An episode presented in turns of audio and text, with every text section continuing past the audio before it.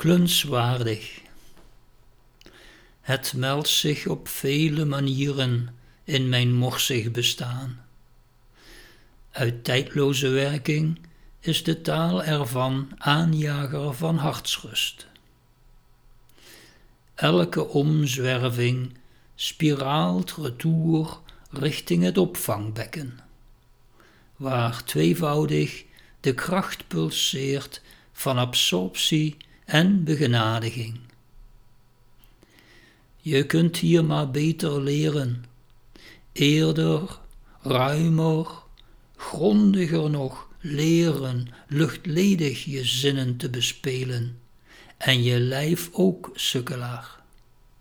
Ja, ik ben en wil worden eenvaardiger vertolker van deze zang, zijn gangen en wendingen speurend zonder kleverig doel of komaf.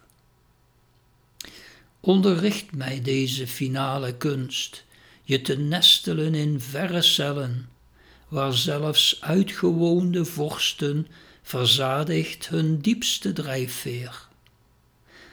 Alleen zo zal schijn van mens zijn zich nalatig en mislukkend blijvend gaan manifesteren als onze meest wonderlijke aard.